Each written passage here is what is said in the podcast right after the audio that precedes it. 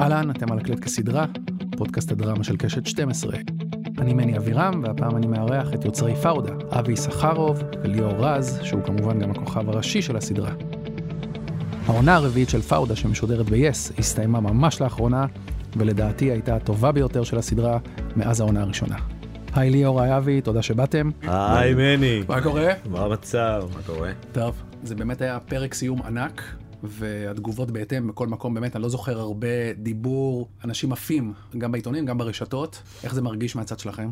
אני חושב שהפתעה מאוד גדולה, כי א', לכתוב עונה רביעית ולהצליח לגעת באנשים בעונה רביעית זה לא פשוט, צריך להמציא את עצמך מחדש כל פעם. והעוצמות, עוצמת התגובות אה, אה, הפתיעה אותנו מאוד. אותי מאוד, אני ברשתות החברתיות, בעיתונים, ביקורות אחרי ארבע עונות, זה לא מובן מאליו לקבל ביקורות כאלה. מישהו ביקש סליחה, איזה מבקר, מבקר, טלוויזיה. כל, מבקר טלוויזיה, אה, כתב סליחה ומחילה מליאור רז ואבי יששכרוב על הביקורת הגרועה, הלא טובה שכתבתי עליהם בתחילת העונה. וואלה? כן. איזה תגובות אתה מקבל, אבי? לא מקבל תגובות, סתם. תראה, העונה הרביעית בעיניי הפתעה, פחות הפרק האחרון. כלומר, הפרק האחרון ידעתי שהוא משוגע ומטורף, ומהרגע הראשון שראינו אותו הבנו שיש לנו חומר נפץ בידיים. באמת, כאילו, אתה, אתה אומר, אוקיי. כתבתם אם... אותו.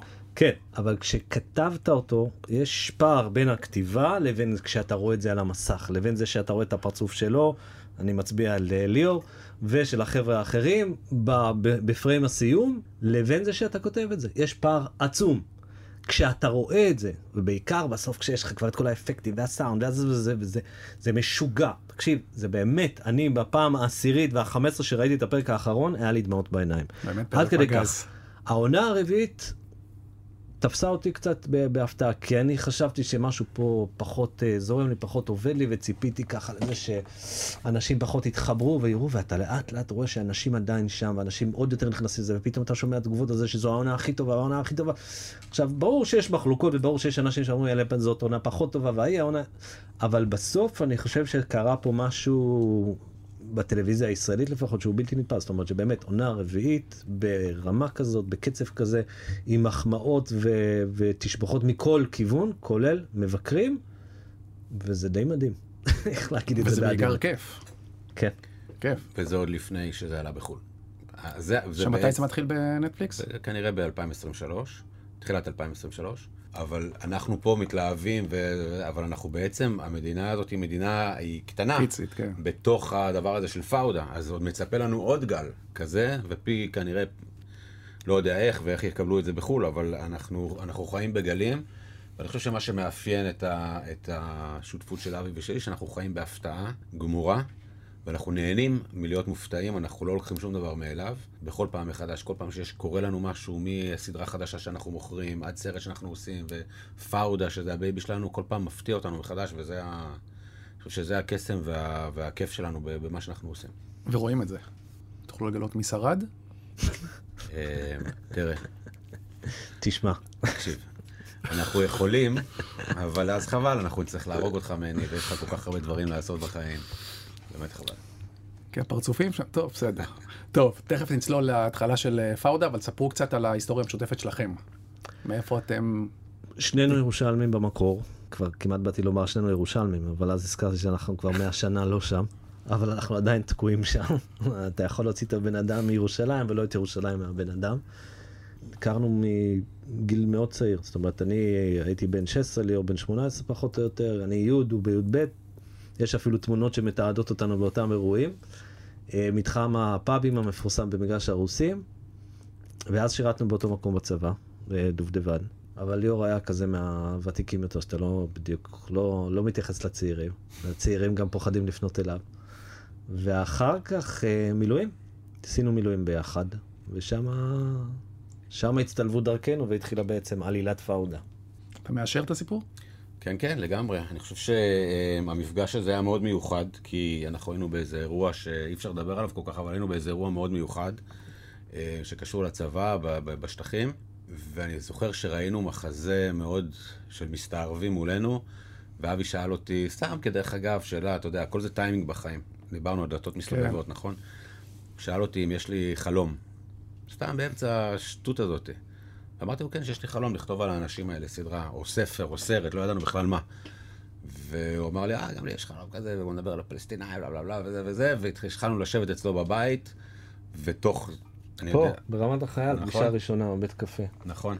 שנייה, אז אתה שחקן. אז אני עובד במשרד פרסום בגיטם פה, כן. מנהל קריאיטיב בגיטם, אה, גם משחק, גם בעל חברת הפקת, אה, של פר- חברת הפקת פרסומות שעדיין יש לי אותה, אבי עיתונאי.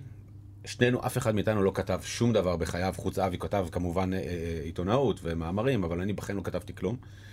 וזה נורא הפחיד אותי הדבר הזה, איך נכתוב משהו, לא ידענו אפילו מה, אני זוכר שבהתחלה כתבנו, חשבנו שזה יהיה סרט, ואז פגשתי את אלון בן ארי, שהוא היה במאי שלי במתי נתנשק. אמרתי, אה, יש לי רעיון, יש לנו רעיון, אני לא יודע זה, נראה לי שאנחנו עושים סרט, ואז הוא אמר, "אה, למה לא, לא תעשו מזה סדרה? אמרתי, אוקיי, בוא נעשה מזה סדרה. כן, התלבטנו, התלבטנו, התלבטנו, ואלון בעצם היה די זה שהכריע שדרות יהודית, בית קפה, אני ממש נכון, זוכר. נכון. דרך אגב, שאלת אותו אם הוא מאשר את הדברים. שיהיה ברור, לי יש את המונופול על הזיכרון הקולקטיבי, נכון. כן? כאילו, אני פה ההיסטוריון, הוא לא זוכר כלום. לא זוכר כלום. אני לא, אגיד לך אתה- למה. בכלל גם מהצבא, לא זוכר. היה לי בלק מאוד רציני מהשירות שלי הצבאי. לא זכרתי שמות של מבצעים, מבוקשים, כפרים. לא זכרתי מה עשיתי שם בכלל. היה לי כאילו איזה מין איזה שחור כזה בזיכרון. ואבי, תוך כדי שיחה על פאודה, התחיל להזכיר לי דברים שאני עשיתי. ואז הבאנו עוד אנשים מהיחידה ומהצוות שלי, ופתאום שלא הייתי איתם בקשר, ופתאום הכל צף מחדש, ו- וסיפורים שאני שאני נחרד, ש- ש- ששרדנו, אבל, אה, ואבי עם כל הסיפורים שלו, זה, זה היה סוג של תרפיה של שנים. לא רק לנו, אני חושב שלכל הצוותים שלנו, גם לצוותים שלנו וכל מי שהיה מעורב אה, בסדרה הזאת. ואז בעצם, יש לכם את הרעיון הזה, כן, ואז זה כבר אה, סוגריים שלנו, מצטלבות דרכנו כן. באיזושהי צורה. אתם באים קסטינה, אז זה רעיון שקוראים לו פגיון, ואוקיי, מתחילים, מתחילים להתגלגל. כן, נכון? פונים לבחור בשם גיא לוי, שהוא חבר של אה, ליאור. אז שאז- מפיק הראשי של קסטינה, מפיק הדרמות של קסטינה. נכון. והוא מפגיש אותנו עם בחור בשם אמנון, ואיתך. הבעלים של. קסטינה, כן. כן.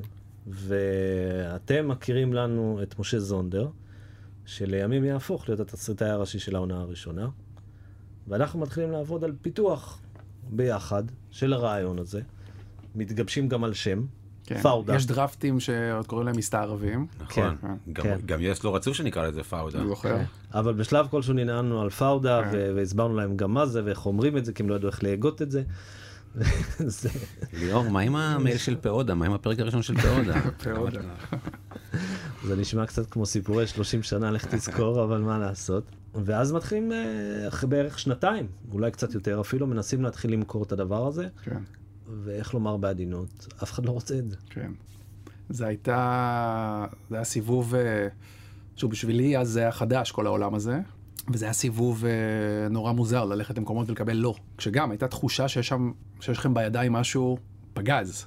גם לא עשו בעצם כאלה, לא. עד אז. לא, לא, לא, לא היה זה- שום, היה- טירונות, זה היה ההתייחסות משהו היחידה. לצבא, ואמרנו, אנחנו לא רוצים טירונות, ואנחנו רוצים דווקא חבר'ה מבוגרים יותר, עם משפחות, עם ילדים וכאלה.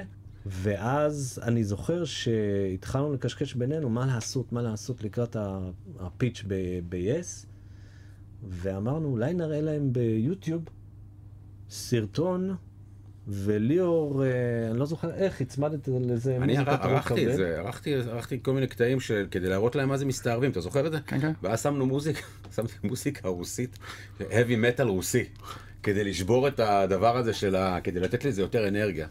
וזה היה... ו... ו...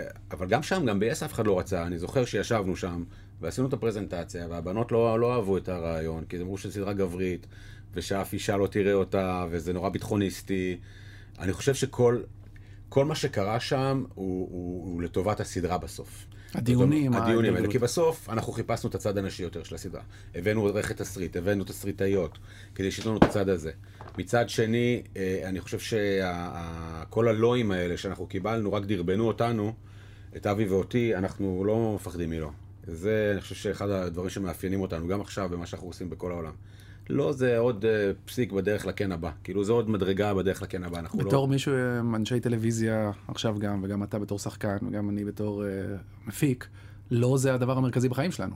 כן. זה היום, היום יום מורכב בעיקר מלא. אבל גם אנחנו אומרים לא. בונוסים. אבל גם אנחנו אומרים בסדר לא. גמור, נכון. היום אנחנו אומרים לא להרבה אנשים שמגיעים אלינו עם. רעיונות, שיש מצב שהם רעיונות פצצה כמו פאודה, ואנחנו אומרים להם לא, כי אנחנו לא מתחברים לדבר הזה. לא מתחברים, לא רוצים, לא יכולים, לא זה, שיקולים כלכליים, שיקולי שוק, אתה יודע, אתה פתאום מתחיל לחשוב כמו כן. חברה, ופחות כמו ה- היוצרים שבא להם לפעמים לעשות משהו בועט, משהו כן. מהפכני, משהו חדשני, אין, אין מה לעשות, גם את זה אתה, אתה לומד. ברור. אבל כן, קיבלנו את הלהבים, וקיבלנו כאפה, ועוד כאפה, ועוד כאפה, ו...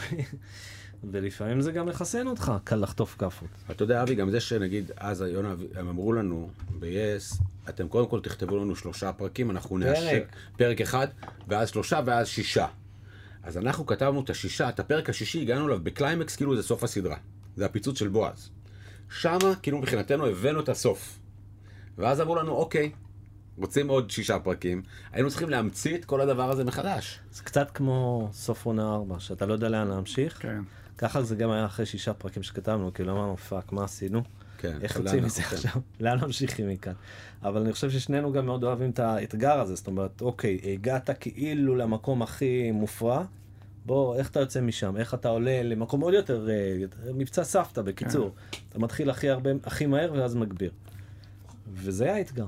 ואז בעצם יס אומרים אה, בסופו של דבר כן, ואז מתחיל כמובן תהליך ליהוק, תהליך זה, גם לא היה ברור באותה תקופה, לנו- לא היה מובן מאליו שאתה, לכם, לנו לך היה ברור שאני עושה את ה- נכון, את אני זוכר, הסדרה. ברור, לכולנו. נכון, חוץ- זוכר. חוץ מליס. חוץ מליס, ובסופו של דבר כמובן גם זה, אני עשיתי אודישן. זוכר, אני עשיתי אודישן לתפקיד של דורון.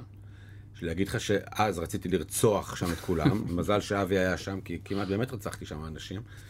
ואני חושב שזה עשה לי מאוד מאוד טוב האודישן הזה, כי נלחמתי עם השחקנים באמת הכי טובים בארץ. אה, ואני הייתי, אז הם קראו לזה, כמו שיונה אמר, אנחנו צריכים A-ליסט. ואני לא הייתי A-ליסט.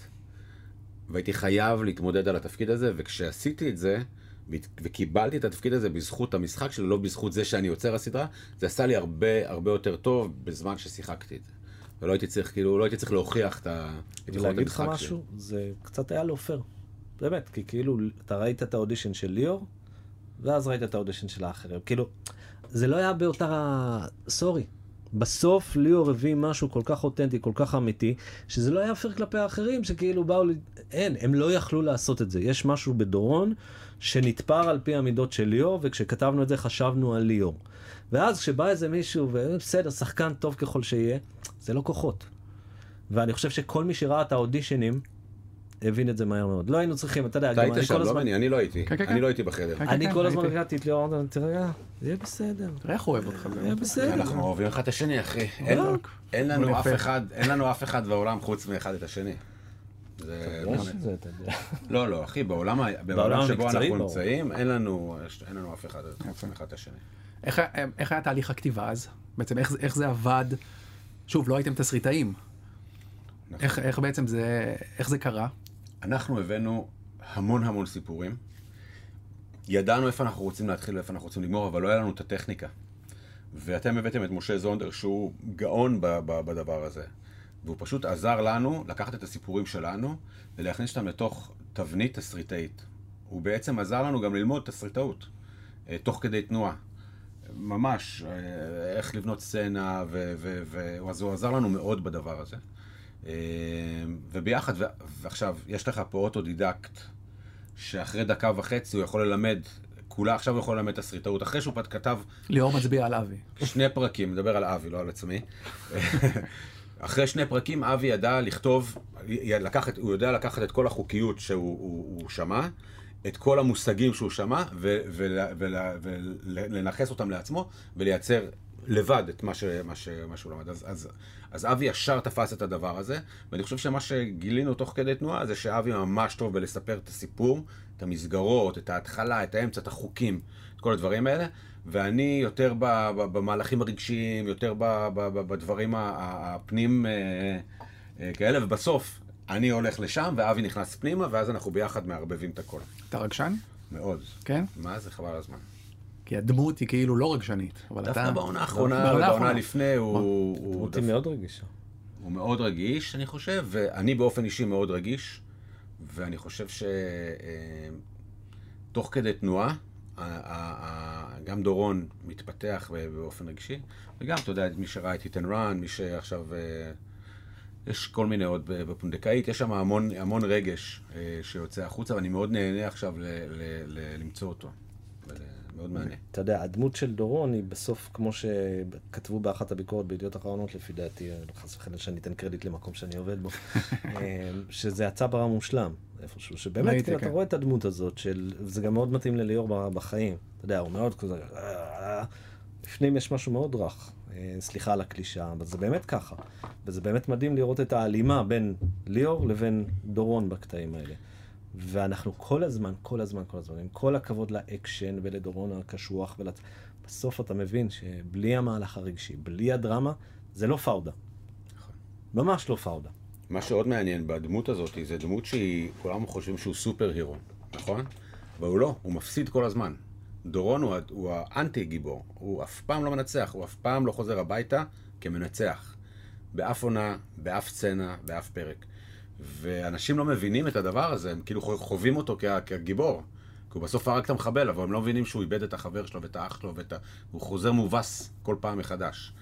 אה, הוא לא מצליח לשמור עליי, הוא... כל הדברים שאנחנו חושבים שהוא כן, ב... ב... באווירה שאנחנו יוצרים, אתה חושב שהוא הגיבור המופלא, אבל הוא לא גיבור, הוא אנטי גיבור, הוא מפסיד כל הזמן, ו... ו... ו... ובגלל שהוא הולך עם הרגש שלו, אז הוא מפסיד. מעניין.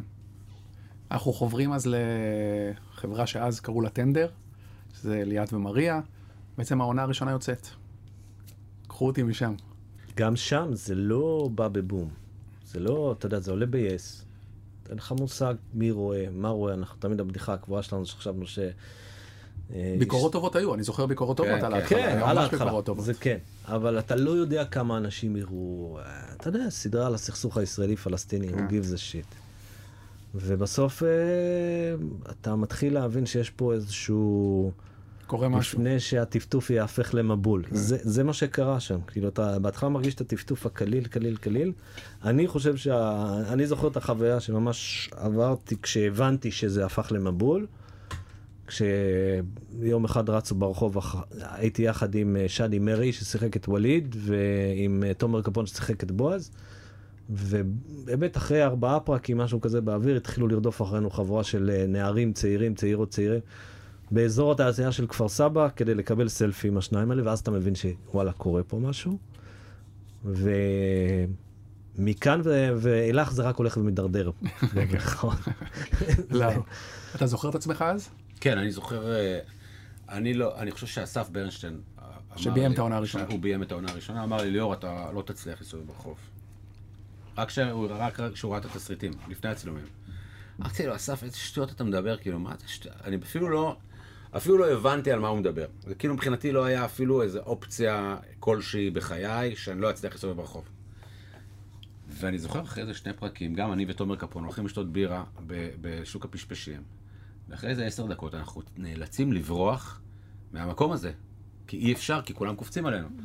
ואז הבנתי, אני חושב שהתקשרתי אליך, הבנתי ש, שזהו, שאנחנו, ש, שזה נגמר, שאני שם, כמו שאסף אמר. היום אני מבין את המחיר אתה יודע, אנשים נורא רוצים להיות מפורסמים. אנשים נורא רוצים להצליח ולהיות... אה, אה, אבל יש מחיר מאוד כבד, אבי יודע את זה, כי הוא רואה אותי בלהיות הפרצוף ש... שכולם מזהים. יש לזה מחיר מאוד כבד, שאתה לא מבין אותו. כשאסף ברשטיין אמר לי, תהיה... אה, אמרתי, אה, הלוואי, מגניב. לא נוח לך עם זה? זה קשה לך? כן, לא, לא, לא פשוט להיות ב, ב, בהתחלה, ב, אתה יודע, בשנה, שנתיים הראשונות זה מדהים. אחרי זה לאט לאט אתה מבין אה, שיש לזה מחיר מאוד כבד למשפחה, לחברים, לאמון, להכל. אתה לא, יש פה, יש פה מחיר. תגובות אז, שוב, בגלל שזה היה נורא חדש, הטיפול בסכסוך וכל הדבר הזה, היו גם תגובות מהצד הערבי אז. אתה גם בתור כתב ופרשן לענייני ערבים, מה הגיע אליך אז? מאמרים, אני זוכר שהיה שני דברים. אחד, יצר איתי קשר מישהו בשם מוסעב יוסף, הנסיך הירוק. זה שהיה כן. בנו של ראש החמאס בגדה, וסיפר לי סיפור אישי שקשור לליאור, שכאילו גם אם אני אספר אותו בפעם המיליון, אני עדיין לא, לא אאמין שהוא אמיתי, והוא אמיתי. אבל הדבר השני שהוא אמר לי, תשמע, אתה חייב להסתכל באתרים של חמאס, ואז הסתכלתי כמובן באתרים של חמאס, ופתאום אני קולט שכאילו, יש התייחסות, חתיכת התייחסות בכלי תקשורת ערביים פלסטינים לפאודה. ושם חמאס עשה מזה חת... חתיכת טררם. עכשיו, אתה יודע, ברגע שיש התייחסות של חמאס לאירוע שכזה, אז כמובן זה לא מונע מהצעיר הפלסטיני הממוצע מלראות את הדבר הזה, אלא להפך. גם אם הוא אומר, זו סדרה של הציונים, אל תצפו בה, אז כמובן מה יעשה בחור פלסטיני צעיר? ירוץ לצפות בה. הם גם שמו שם את ה... ושמו לינק ל- ל- לפרק הראשון. לפרק הראשון ביוטיוב, באתר חמאס. ואתה רואה ש... שזה יצר איזשהו עניין. עכשיו, העניין רק הלך וגבר כשזה עלה לנטפליקס, שזה כבר בסוף אה, 2016, ואז זה התחיל לרוץ בכל העולם הערבי, ואתה מקבל את התגובות מכל חור, בעיקר ליאור, כי יש לו אינסטגרם, לי, לי אין. שם באמת המבול כבר שם. למה אין לך אינסטגרם? אין לי כוח. אני רואה, אתה יודע, אנשים מסביבי מתעסקים בזה, עוסקים בזה, יש לי טוויטר, שזה מספיק ניפוח מוח אה, ואהבה עצמית ושנאה עצמית וכולי, אבל אה, באינסטגרם לא יודע. לא, לא אוקיי. חזרנו לחמאס. כן.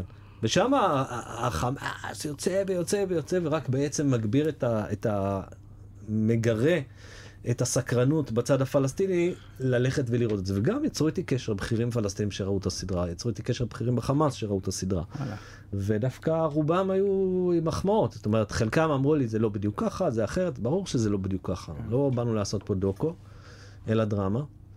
אבל שוב, התחושה הזאת באמת, ב- כשעלתה עונה שלישית לאוויר בנטפליקס, כשאתה רואה שאתה מספר אחד בלבנון, אני לא מדבר איתך על מדינות אחרות ש... אתה מספר אחד בלבנון בנטפליקס. אתה אומר, מה, מה, מה, מה קרה פה? זה אירוע משוגע. אני לא חושב שמישהו, שבאמת אפשר לה, להבין את גודל האירוע. מספר 4 בירדן, מספר 5 באמירויות, לא, לא זוכר כבר. אבל דבר אחד אני זוכר, אחד בלבנון. ואז מתחילה התייחסות כאילו לנסראללה. ויורדים עליו, תראה, אתה קראת לחרם על ישראל, וזו הסדרה הכי נצפית בנטפליקס בלבנון. ו... ומשוגע, אתה פתאום, פאודה הופכת לתופעה אזורית, גלובלית וכולי. מדהים. לאורך השנים תמיד היה את המתח הזה, נכון? הפוליטי. מהשמאל אמרו שאתם מציגים ככה את הערבים ואת הצבא, מימין אמרו ככה, נכון? זה כל הזמן נע. זה, מה, זה מה שיפה, אני חושב, בפאודה, סוד הקסם שלה אל מול הקהל הישראלי והערבי, זה שכל אחד יכול להתחבר לנרטיב שלו. אין לנו פה, אנחנו, אני ואבי, אתה יודע, הנרטיב שלנו הוא מאוד ברור. אנחנו, אנחנו אנשים מאוד ליברליים ומאוד ציונים.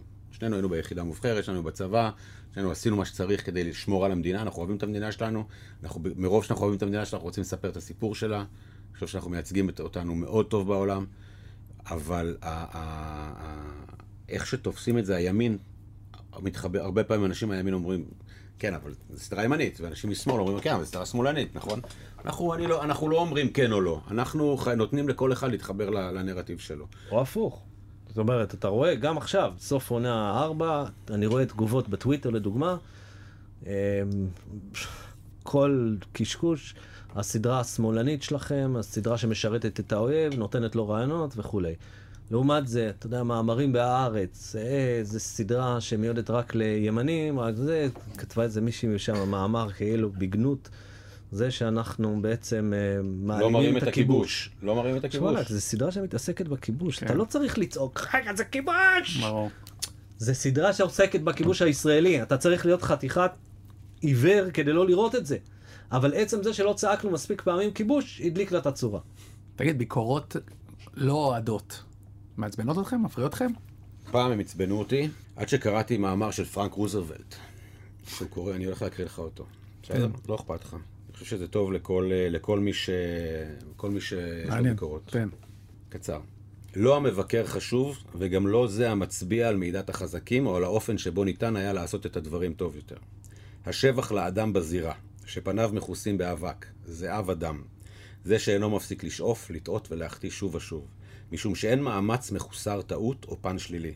אבל הוא שמנסה, שעושה, שיודע התלהבות, מחויבות וחתירה למטרה, הוא זה שיודע שבמקרה הטוב מחכה לו הצלחה גדולה, ובמקרה הרע, אם ייכשל, לפחות, לפחות עשה זאת מתוך תעוזה.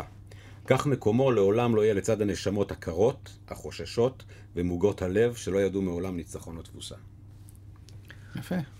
זה האדם שבזירה, ככה קוראים ל... קשה לאמץ, אבל אה, אני, קשה אני, בסוף. תקשיב, כאילו, תקשיב, אני, אני גם, גם ביקורות טובות וגם ביקורות לא טובות. אני באמת שם אותם במסגרת הזאת. אני ואבי עושים את המקסימום. אנחנו באמת בתוך הסכלה, בתוך הנכשלים, ורוב האנשים לא יודעים כמות, את כמות הכישלונות שאנחנו מקבלים. אנחנו מקבלים כל כך הרבה לואים וכל כך מעט קנים. אנחנו, כל כך, אנחנו נכשלים כל כך הרבה ומעט מאוד מצליחים. אנחנו נלחמים כל כך קשה כדי לעשות את מה שאנחנו עושים. ואז בא איזה זב חותם, שאין לי מושג מי הוא בכלל, וכותב עלינו משהו שהוא חושב, שהוא ישב לבד בטלוויזיה, אני מעריך שהוא בטח היה שמח מאוד לעשות את מה שאנחנו עושים. ברור. ו- ו- ומדבר עלינו. לטוב, יש כאלה שמדברים נורא טוב, אז תמיד זה לאגו, זה לשנייה הראשונה זה טוב, אבל אתה צריך לשים את זה במסגרת הזאת. בסוף, אני עושה את המקסימום, אבי עושה את המקסימום, אין לנו יותר מזה מה לעשות. ברגע שאתה עושה את המקסימום, אז כל המבקרים יכולים להגיד מה שהם רוצים. אנחנו, אנחנו את המקסימום שלנו עשינו.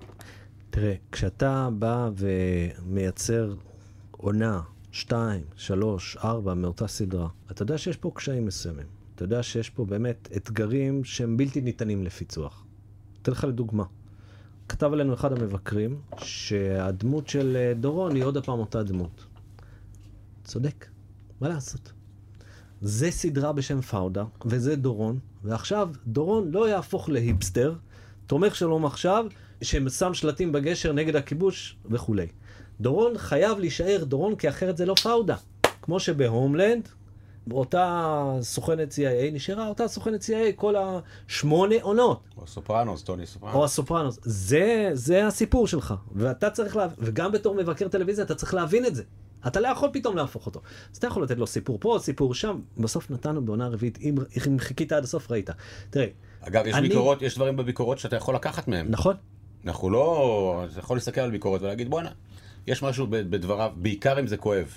בעיקר אם זה נכון. כן, זה כואב כשזה נכון. זה כואב כשזה נכון, בדיוק. תשמע, כשאנחנו כתבנו את העונה הזאת, אנחנו יכולנו לדעת איפה יהיו המוקשים, בסדר?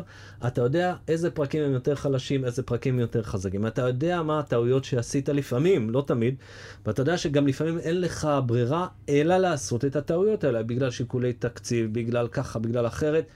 נוצר לך חור ואתה צריך לכסות אותו ואתה מקווה שלא יראו את החור הזה. כשעולים על זה זה כואב, כי אתה אומר fuck, הוא צדק, הוא ידע, הוא ראה את זה. כשסתם כותבים ביקורת, סליחה, לפעמים כותבים באמת, באמת ביקורות טיפשיות, מרוע, אז אתה אומר, מה, מה אכפת לך? נו, בסדר, יאללה. היה, מישהי, אני זוכר, כתבה, הם לא מראים את גדר הביטחון, את אה, אין מחסומים בסדרה. אין מחסומים. בסדר, יאללה, תקדמי. עד כמה חשוב לכם הריאליזם? מאוד. אין, אנחנו, על זה אנחנו נלחמים. אבי ואני נלחמים על הדבר שיראה אמיתי. אנחנו, מהמכות ועד הביגוד ועד המבטא הספציפי שצריך לאזור הספציפי הזה, עד לכותרת בערבית, אנחנו מאוד מאוד, אני חושב שזה מה שמגניב בפאודה גם, שהיא מאוד ריאליסטית. אגב, גם באיתן רן ניסינו להיות כמה שיותר ריאליסטים, עכשיו אנחנו עושים עוד סדרה במרוקו שאנחנו מנסים להיות כמה שיותר ריאליסטים, מנסים לקחת את זה וכמה שיותר לאמץ את זה. בסוף, לי יש הרבה פעמים ויכוחים עם אבי מרוב שלא חשוב, נורא ריאליזם עוד יותר ממני. הוא יכול לריב איתי על, על, על, על, על פסיק קטן, על, על אות קטנה, לא יודע מה, על כל מיני דברים כאלה. אבל בסוף זה מוכיח את עצמו. הריאליזם מוכיח את עצמו. זה שאנחנו לא נעשה קרב מכות יותר מדקה. כי בחיים אין קרב מכות יותר מדקה. אין דבר כזה. אנחנו לא נעשה מכות שיראו יפה. אנחנו לא נראה צרורות, למרות שזה נראה מגניב. אנחנו... אנחנו ננסה לשמור על כמה שיותר ריאליזם. החבר'ה שלנו, הצוות שלנו עובר אימונים עם מאמנים ספציפיים שמאמנים יחידות לוחמה בטרור. זה לא מישהו שמלמד איך לראות בסרטים. זה אמור להיות מאוד מאוד דומה, ל, ל, גם אצלנו בעונה הראשונה וגם בעונה השנייה והשלישית. כל הסטנטמנים, כל האנשים שעשו את הפעלולים, זה אנשים מהיחידה שלנו, או מהשייטת, או אה, אנשים שזה לא סתם. גם. היום הצוות שאיתנו, זאת אומרת, בעונה 4, בעונה 3, אם זה כצוות הכותבים, תסריטאים, שזה חתיכת צוות, אז נוח כן, סטולמן עשה את שתי העונות. תכף ניכנס לזה, כי זה השתנה לאורך העונות. נכון. ועומרי גבעון שביים את העונה האחרונה, תקשיב, הם נהיו המשגיחי כשרות החדשים. זאת אומרת, הם כבר, רגע, רגע, רגע, זה מה, זה אמין? זה ריאליסטי? אתה רואה, הם מעירים לנו. ברגע שאנחנו קצת הולכים לאזורי, לאזור הדמדומים של האם נכון. זה אמיתי או לא אמיתי, פתאום הם קופצים ואומרים, רגע, מה, אבל זה אמין? ו... וזה נהיה פה קטע, כלומר הצוות שמלווה אותנו כבר אכפת לו לא פחות מאיתנו מאשר בנוגע לריאליזם. אני שאלתי את עצמי נגיד בעונה הזאת, אני זוכר גם בעונה אחד, שהיו חלק מהמקורות אמרו, אה, אין מצב שזה יכול לקרות, הם לא ייכנסו וייצאו משם, אין מצב וזה. נכון. גם עכשיו שראיתי את ארבע, ששוב, עפתי על העונה הזאת, פתאום כאילו דירת אני לא ביטחוניסט כמוכם, אבל אה, דירת אה, מסתור של המוסד בצפון לבנון, Yeah, זה דברים... פחות. מפתיע אותי. לא, סתם, אוקיי, אני יודע, כן. והכניסה ללבנון, סורי, כל הדבר הזה. נכון, תראה, עוד פעם, אנחנו לא בסרט תעודה. דוקו, ברור. ברור שאתה לא- לפעמים עושה דרמטיזציה שלהם. בוא, אני אספר, אה, נגלה פה את האמת, נחשוף פה אמת מרעישה. לא מכירים סיפור אהבה בין רופאה פלסטינית למסתערב ישראלי, אוקיי? מצטערים אם אנחנו שוברים את, לב, את הלב של מישהו או מישהי, אבל המצאנו את זה בשביל הדרמה, בשביל ה... לעשות פה פאודה. כן. וגם בעונה השלישית והרביעית יש כאלה עלילות. אנחנו גם לא מכירים מסתערב שלקח ערבייה ישראלית שוטרת לתוך לבנון וסוריה. תכף נדבר על לוסי. נכון. אנחנו לא מכירים דבר כזה. זה לא אמיתי. אנחנו ממציאים כדי לייצר דרמה, כדי. לייצר עניין, כדי לייצר אה, סדרה, סדרת טלוויזיה. ואז מגיע, מגיע נטפליקס. איך זה קורה בעצם? מתי אתם שומעים על זה לראשונה? איך זה... גם, שוב, לא היה אז. לא, זה הראשון. זה פתאום, כאילו, ש- מי, מי יודע, אבל נטפליקס זה מרגיש כמו איזה משהו של הגדולים. נכון, אני חשבתי שזה רעיון גרוע. מה הרעיון גרוע? לקחת סדרה ישראלית שמדברת ערבית ועברית ולשים אותה בארצות הברית או בכל העולם, כי מי יראה אותה. זו הייתה המחשבה שלי. חשבתי, אנחנו רצינו לעשות רימייק. רצינו שיהיה סדרה שהיא כאילו, כמו שעשו את הומלנד, שיהיה כאילו פאודה באפגניסטן, במקום דורון יהיה דארן, לא יודע, משהו כזה. אתה יודע, שאנחנו נבוא לבקר שם על הסט, יגידו, זה היוצרים מישראל. ככה חלמנו, זה, חלום, זה החלומות שידענו לחלום. ואז נטפליקס, ואז זה הגיע דרך אה, הדס מוזס שהייתה אחראית על, על השיווק של הסדרה, אדם ברקוביץ', אה, אה, אה, דנה שטרן, ביחד יצרו בעצם את, הדבר הזה, את העסקה הזאת, בהתנגדותי המלאה. ואני ממש לא רציתי שזה יקרה. והם עשו את העסקה הזאת למזלנו, וזו הייתה פעם ראשונה, למזלנו היה גם נרקוס, באותה תקופה שהאמריקאים התחילו לקרוא, הם קוראים לזה לקרוא טלוויזיה, כי הם לא, הם לא רגילים כן, תרגום. לסאבטייטלס. וזה התחיל להתגלגל וזה התחיל לגדול שם, וזה נהיה, נהיה משהו שאנחנו לא, לא הבנו בכלל את, ה, את העוצמות שלו, בכל העולם, זה היה שוק רציני מאוד. אני מסתובב ברחובות ניו יורק, מיאמי, מקסיקו, הודו, אני, מכירים אותי אנשים, זה משוגע, לאן שאני הולך, דובאי, אני לא יכול להסתובב ברחובות.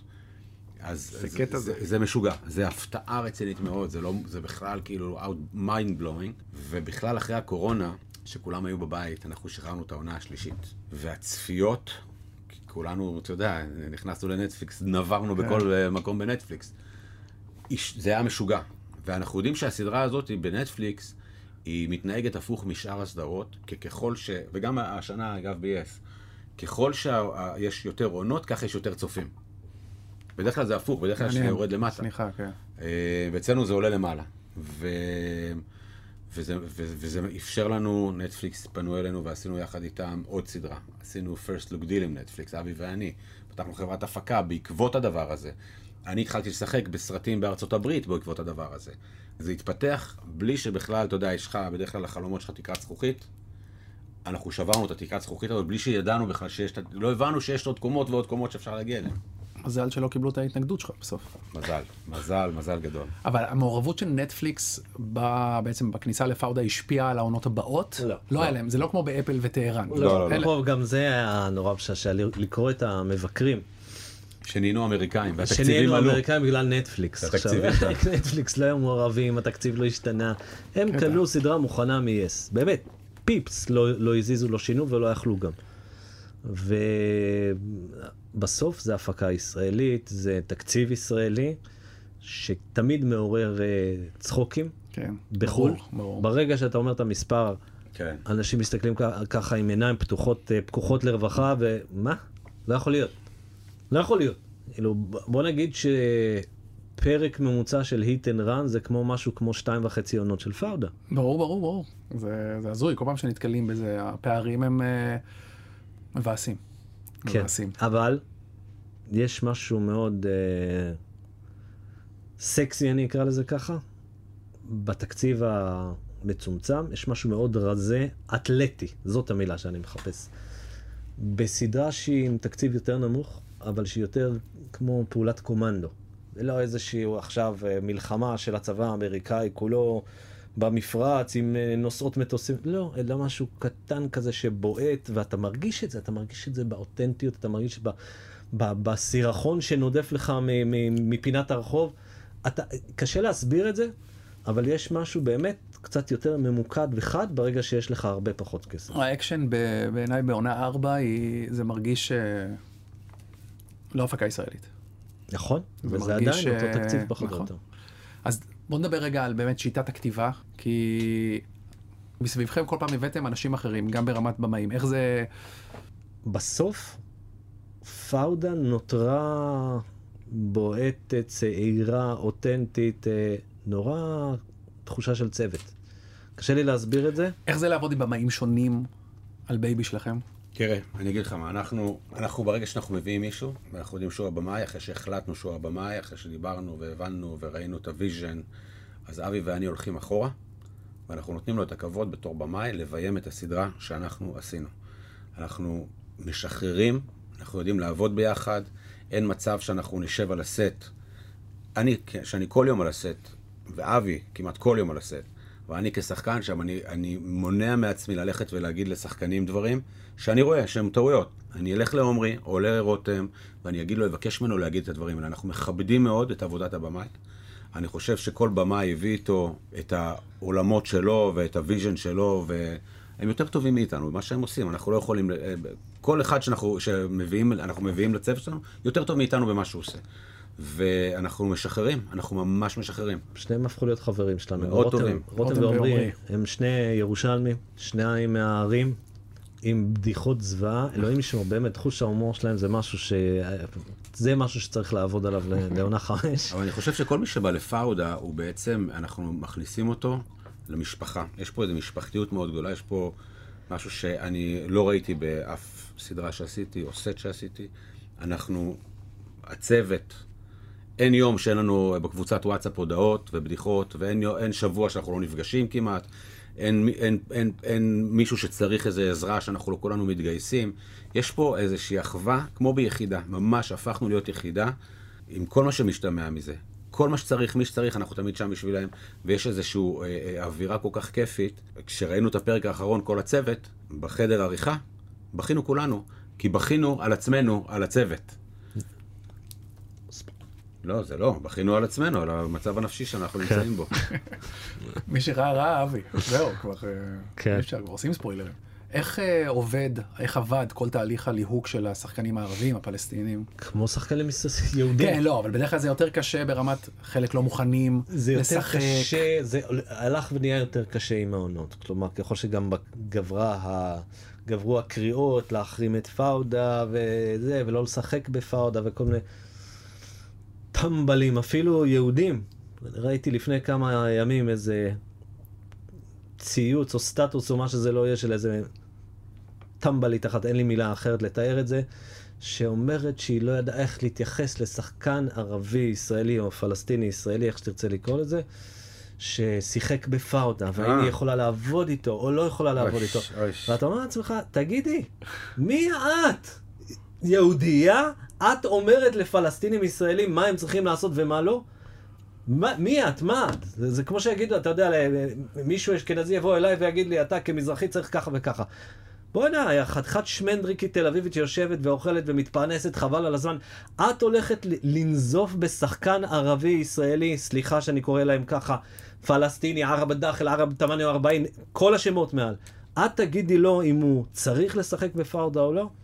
באמת הרגשתי גועל נפש מה, מהדבר הזה, איכס אה, אחד גדול, אבל לשמחתי, יש עדיין מספיק שחקנים שרוצים עושים. לשחק, שאוהבים גם את התוצר, את התוצר הסופי של פאודה, ואתה רואה את זה גם על המסך, אני חושב. אני חושב שהשחקנים שלקחנו לעונה 4, בום. ממש. אתה יודע, אמיר בוטרוס ששיחק את עומר, אה, לואי נופי ששיחק את עדל, וכמובן, לוסי איוב. אז בואו נדבר על לוסי. זה היה תהליך ליהוק, או ידעתם שאתם רוצים את לוסי? ליהוק. ליהוק. כן. ואז היא אה, באה, נבחרה. היא באה ונבחרה, והיא היא לא שחקנית מנוסה, כן. אף פעם לא שיחקה. נכון.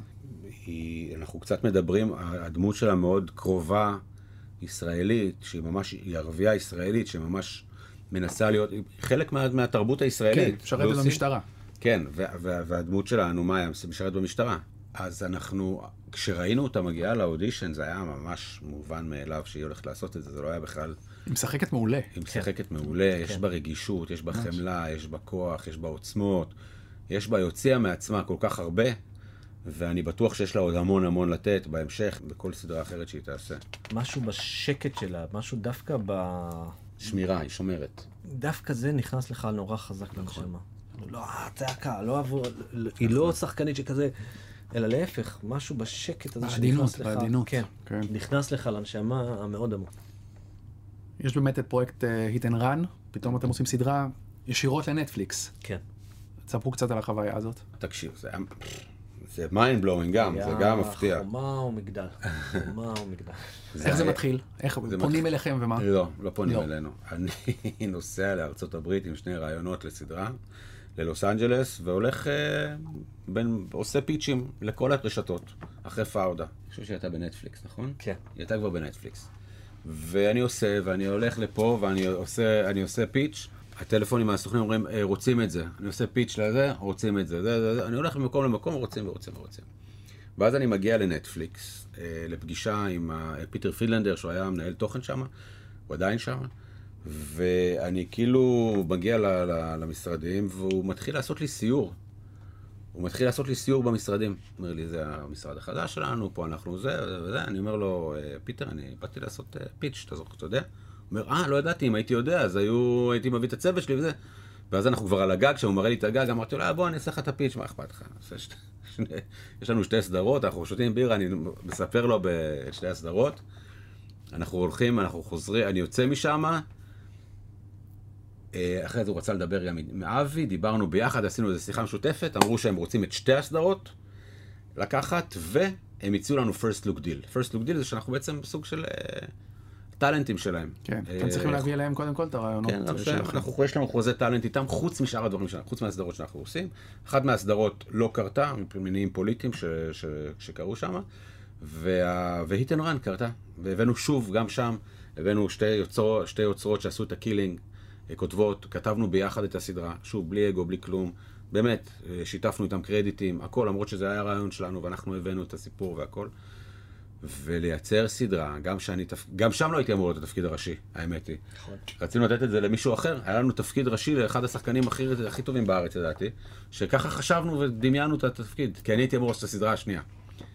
ואז נטפליקס גם באו ואמרו, "אה, אם כבר אתם מביאים שחקן ישראלי, אנחנו רוצים שאתה תעשה את זה, ו- ואני הסכמתי, ואז זה היה גם איזה עוד mind blowing, והיה גם לצלם סדרה, אבי ואני בניו יורק, טריניטי ובמבינו בניו יורק, יושבים שם, עוצרים שם תחנות רכבת, מוניות, טיים סקוור, יריות, לגמרי, פיצוצים. ברודווי.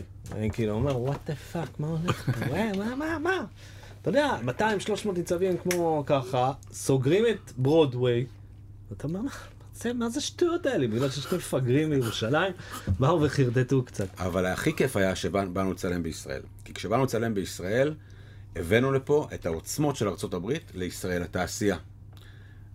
מאות אנשים עבדו, מאות אנשים התפרנסו בגלל הרעיון של אבי ושלי על hit and run. וזה היה, אני חושב, אחד הדברים הכי מדהימים שקרו לנו. בקורונה. בקורונה. שנטפליקס, נטפליקס גם, כשהפסיקו לעבוד בגלל הקורונה, נטפליקס המשיכו לשלם לכל הצוותים. זאת אומרת, הבאנו, נתנו בתקופה הכי קשה לתעשייה, נתנו פרנסה כמעט לכל התעשייה. וזה היה אה, אה, מבחינתנו יותר מכל דבר אחר. ואז סגרו את שוק הכרמל ואת הרחובות במרכז תל כן, אביב, נכון. וכל המרכז תל אביבים כמוך, שנאו אותנו, בסדר, נו, מה נעשה? ואיך אתם מסכמים את החוויה הזאת, אבל? איך זה? אני חושב שזה היה, זה הבית ספר של הפקה, בית ספר של כתיבה, בית ספר של פוליטיקה ארגונית, בית ספר כן. של איך עובדים מול רשתות, בית ספר של ההבדל בין האמריקאים לישראלים. היה שם, זה בית ספר גדול מאוד מה שחווינו שם, ועדיין אני חושב שבכל דבר שאנחנו עושים, יש אנחנו חוטפים אה, כל מיני מהלומות. Welcome to Hollywood. Welcome to Hollywood, כל הזמן. מהלומות כמו מה? יש דברים שאתה לא מוכן להם, אנחנו מאוד uh, ישירים. אין לנו את הפוליטיקלי קורקט, אין לנו, אנחנו לא מדברים ככה. אנחנו מדברים, אנחנו דוגרי, אנחנו מדברים, מה שאנחנו מרגישים, ככה אנחנו אומרים. מה שאנחנו חושבים זה מה שאנחנו רוצים שיקרה. ומה שקורה בהוליווד זה אחרת לגמרי. יכולים לדבר איתך על משהו אחד, ו- ומאחורי הגב זה יהיה משהו אחר לגמרי. ובגלל זה אמרתי לך בתחילת השיחה, בתעשייה הזאת, לי ולאבי יש את אחד את השני. כי יש לך מיליון גורמים. מיליון גורמים שירצו להפריד כוחות, לנהל את הסיטואציה במקומך, לעשות הרבה דברים, ובסוף זה שנינו ביחד נגד כל הטריניטי ובמבינו בניו יורק. זה ממש ככה. ואנחנו uh, מנצחים אותם בינתיים. בינתיים. על איזה עוד פרויקטים אתם עובדים עכשיו במשותף? תראה, אנחנו מצלמים עכשיו uh, סדרה חדשה לשואו טיים במרוקו, שזה הפקה אמריקאית, בבמאי אמריקאי, אנחנו היוצרים יחד איתו, ואנחנו הכותבים גם, וזה פרויקט משוגע. אמנם רק ארבעה פרקים, אז על, עם בסיס על סיפור אמיתי. זה כתיבה באנגלית. כן. אנגלית, עברית, ערבית. אה, הרוב יש לנו אנגלית, שלוש. שפות. יש איתנו גם שותפה לבנונית אה, שכתבה איתנו, שלא מוכנה לחשוף את שמה בגלל החשש לחיי משפחתה שעדיין בלבנון. אה, זה תחלצו פרויקט- אותם. כן, לא, זה פרויקט מדהים, באמת יוצא דופן, ואני לא יכול לספר יותר מדי עליו, אבל זה פרויקט שממש מצטלם, ותחילת נובמבר כבר נסיים את הצילומים. אה, יש פה עוד לא מעט אה, פרויקטים אחרים, סרטים, סדרות שהם כבר בקנה ומתגלגלים ומתגלגלים בשלבים די אה, מרשימים ומתקדמים. ויש גם הרבה כאלה שהם מבחינת כדורים באוויר, שאתה מנסה למכור אותם כל הזמן, ולפעמים זה הולך ולפעמים זה פחות הולך, ולפעמים נופלים פרויקטים, פרויקטים ענקיים. שנפלו לנו, וגם היה פרויקטים לא קלים, אתה יודע, היה לנו, יש לנו פרויקט מאוד מאוד מאוד גדול עם נטפליקס, שחווינו על, ח- על בשרנו את הוליווד ה- בצד המכוער שלה, וזה גם קשור לישראל, ואני לא רוצה, לה, אבל זה גם קשור ל, לסיפור של היחס לישראל ושל יוצרים ישראלים, סיפור פוליטי, ולצערי אנחנו שילמנו פה מחיר מסוים. אה, אבל בשורה התחתונה, אם נסתכל על זה, אתה יודע, יש לנו היום חברת הפקת תוכן שמתעסקת בחו"ל.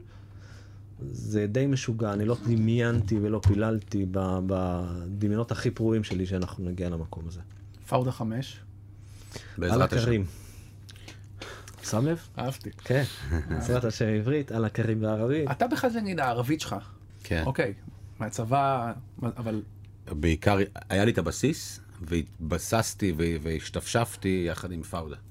היה לי את הבסיס. למדת, כלומר זה זה שיעורים שלוקחים? מה, מאיפה זה? אתה מדבר כן, שם? יש לי, יש, לי, יש לי מורה לערבית, אה, איהאב, בלחה, שהוא אה, מורה מדהים. אני חושב שרוב העבודה שלנו היא לאו דווקא על המילים, אלא יותר על, ה, על המבטא, כדי לייצר מבטא שיצא אה, באמת מושלם, פלסטיני. אז שם העבודה הרבה.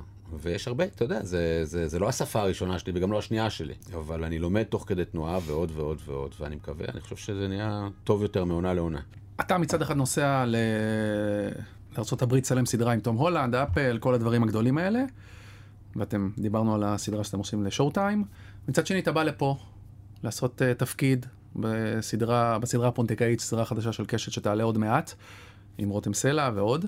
איך הפער הזה, איך אתה, איך אתה מגשר על הפער בין פתאום uh, קרוונים וכאלה ל... שוב, סדרה קטנה יחסית. א', אני לא רציתי לעשות את הסדרה הזאת בהתחלה. אני חשבתי שאני...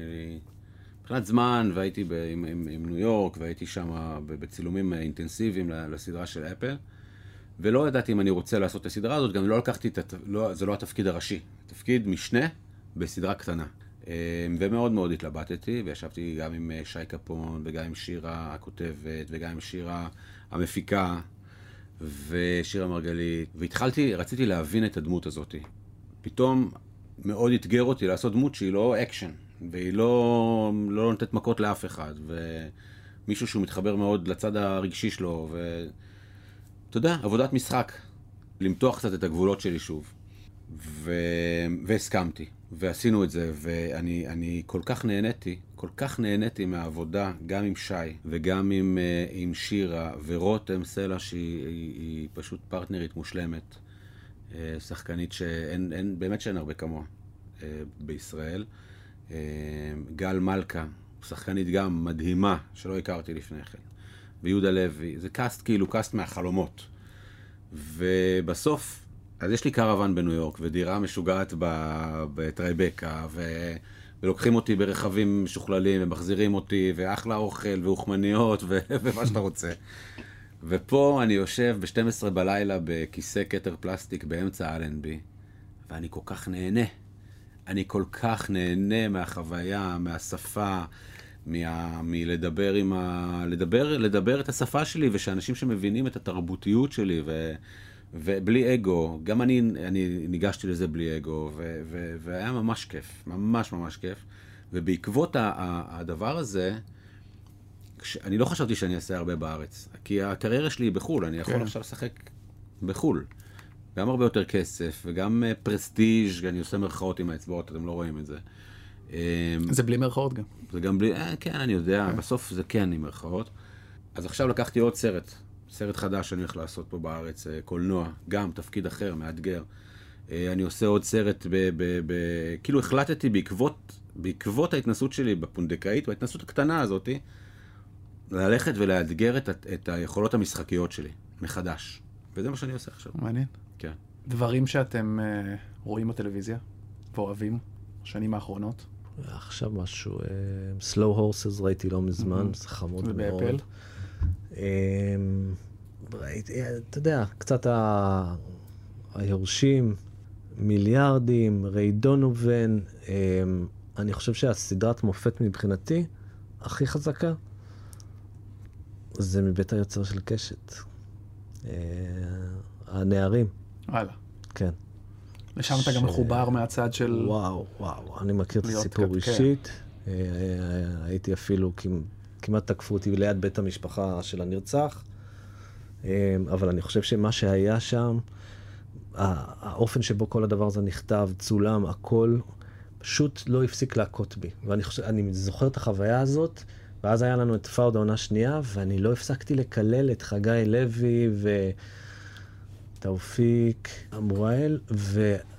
ויוסף קינאתי סידר. בהם.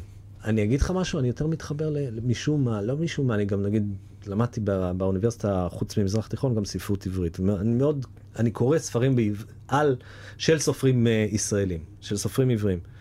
וגם בטלוויזיה, בסוף מה שאני הכי מתחבר אליו, זה, ה, זה הסדרות הישראליות. ואם זה מנאייק, שאני משוגע על מנאייק, ואם זה בלאדי מורי, וריקוד האש, שזה הדברים האחרונים שראיתי והכי התחברתי והכי אהבתי, ואתה רואה רמות משחק משוגעות ורמות כתיבה, ואתה אומר, סליחה, מה כולי לחתירם אומרים בערבית, עם כל הכבוד לתעשייה ההוליוודית, בסוף יש פה תעשייה משוגעת, לא נורמלית מבחינת רמה, מבחינת כתיבה, וגם מבחינת יכולות הפקה. ליאור? אני, אני גם, כל מה שאבי אמר, אני צפיתי ואני מאוד נהניתי. אני חושב שגם סופרנוס זה אחד הדברים הכי, אחת הסדרות הכי טובות שנעשו פה, לא פה, בעולם. אבל אני אגיד לך מה אני צופה, מה באמת אני צופה. אני רואה דיסקאברי צ'אנל או היסטורי צ'אנל, אני יושב כמעט כל ערב ורואה סדרות כמו אלון. אתה מכיר את אלון? לא. לבד. זה- זה אנשים שלוקחים אותם, שמים אותם באלסקה, לשרוד לבד, מי שנשאר הכי הרבה זמן, יש לך רק חץ וקשת ובגדים, ולך סע לשלום. ואף אחד לא יודע על השני, מה קורה. אני חולה על זה, על, לראות את האנשים, איך הם מתמודדים עם הקשיים האמיתיים של החיים, לא, לא, לא מתוסרטים. כי החיים, התסריטים של החיים הרבה יותר חזקים מכל תסריטאי, ואני רואה שם אנשים שנמצאים במצבים מאוד קיצוניים, ואני, ואת זה אני רואה. אתמול ראיתי את, ה- את הבלונד של, של, בנטפליקס, על מרלין מונרו. מונרו, כן. וואו. כן, זה חוטף קטילות רציניות. תקשיב, חצי אומרים שזה נוראי, חצי אומרים שזה מושלם, אני בחצי של המושלם, יש. שם שחקנית שעושה שם, אני מסתכל על המשחק, אתה יודע, יש שם בבימוי הרבה דברים. הוא עשה, לקח את, חמ- הוא לקח 50 אלף סגנונות והשתמש בהם בתוך, בתוך הסדרה, הסרט הזה. אבל יש שם עבודת משחק של שחקנית אה, קובאנית, לא זוכר את שמה, אנא ד... אנה דה משהו, אנה דה כהן. והיא עושה שמה בית ספר למשחק לכל מי שאני הסתכלתי עליה וכל משפט שלה הוא, הוא בית ספר למשחק. אני רוצה להוסיף משהו. אני חושב שמה שכיף במה שאנחנו עושים היום זה שאנחנו נשארנו קצת שני, שניים, שני ילדים מהשכונה. שני טרינטי ובמבינו מירושלים, וזה שם. וזה ניכר, אתה יודע, באמצע פגישות בהוליווד, כשאני וליאור מסתכלים על אחד השני ויודעים מה עובר אחד לשני בראש, וזה צחוקים ודחקות על האמריקאים האלה. וזה גם בקטעים הכי שטותיים שאתה יכול לדמיין. זה קטעים מפגרים ברמות של שני ילדים טמבלים, שעכשיו באים ועושים פיץ', לא משנה למה ואיך ולמה, אבל משחילים שני שמות. היינו צריכים לתת, אה, היה שם חלק יפני בסרט, בסרט שעשינו עליו פיץ'. כן. עכשיו אנחנו לא יודעים שמות של יפנים. אז השחלנו לפיץ' אישימוטו ואישימוזי, בתור דמות משנה, אמיתי. עכשיו שנינו עושים פיץ'. And then אישימוטו, אה, טייק אישימוזי, ואבי ואני נקראים מצחוק, אתה יודע, ואנשים לא מבינים מה אנחנו נקראים מצחוק. אבל אנחנו, כן, נהנים מהשטויות שלנו בדרך. גדול. כיף. כן. עד כאן הקלט כסדרה. אני מני אבירם, תודה ליאור ואבי. תודה לך, מני. היה ממש כיף. תודה, ובהצלחה גדולה, האמת, ממש ממש כיף לראות את זה תודה רבה. מהצד. אה, Thank you. יש לך חלק גדול מאוד בזה. תודה גם לבר כץ, העורך שלנו, ולנטע ספילמן, המפיקה. אתם יכולים ומוזמנים למצוא אותנו במאקו, בספוטיפיי, באפל פודקאסט, בגוגל פודקאסט. נשתמע בפרק הבא, יאללה ביי.